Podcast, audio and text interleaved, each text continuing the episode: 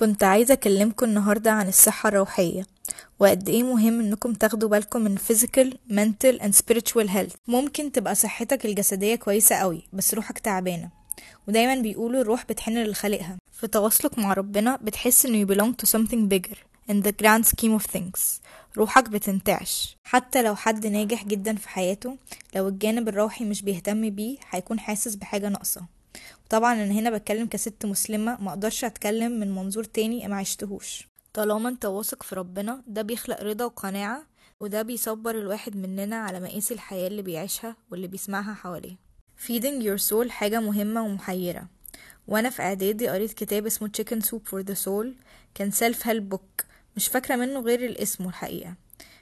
بس فكرة ظريفة أوي إن يكون في حاجة للروح إحساسها زي الشوربة بتاعت جدتنا بتدفي الصدر وبتريح الواحد. كالعادة الحلقة all over the place بس أنا ماليش هدف معين فهي مجرد حاجات بتشغلني أو بفكر فيها و I have to let it out. وبرضه ممكن تخلق conversation. مش conversation بينك وبين الناس على قد ما conversation بينك وبين نفسك. مغني مشهور قوي كان مرة قال لو عايز تبدأ أي حاجة ابدأ. هتكون زي ماسورة مسدودة. أول حاجة هتطلع هي مية وتراب وطينة. بس بالوقت المية هتبدأ تتدفق وتبقى نقية. فكل حاجة بتاخد وقت عشان تتشكل تاخد شكلها يعني.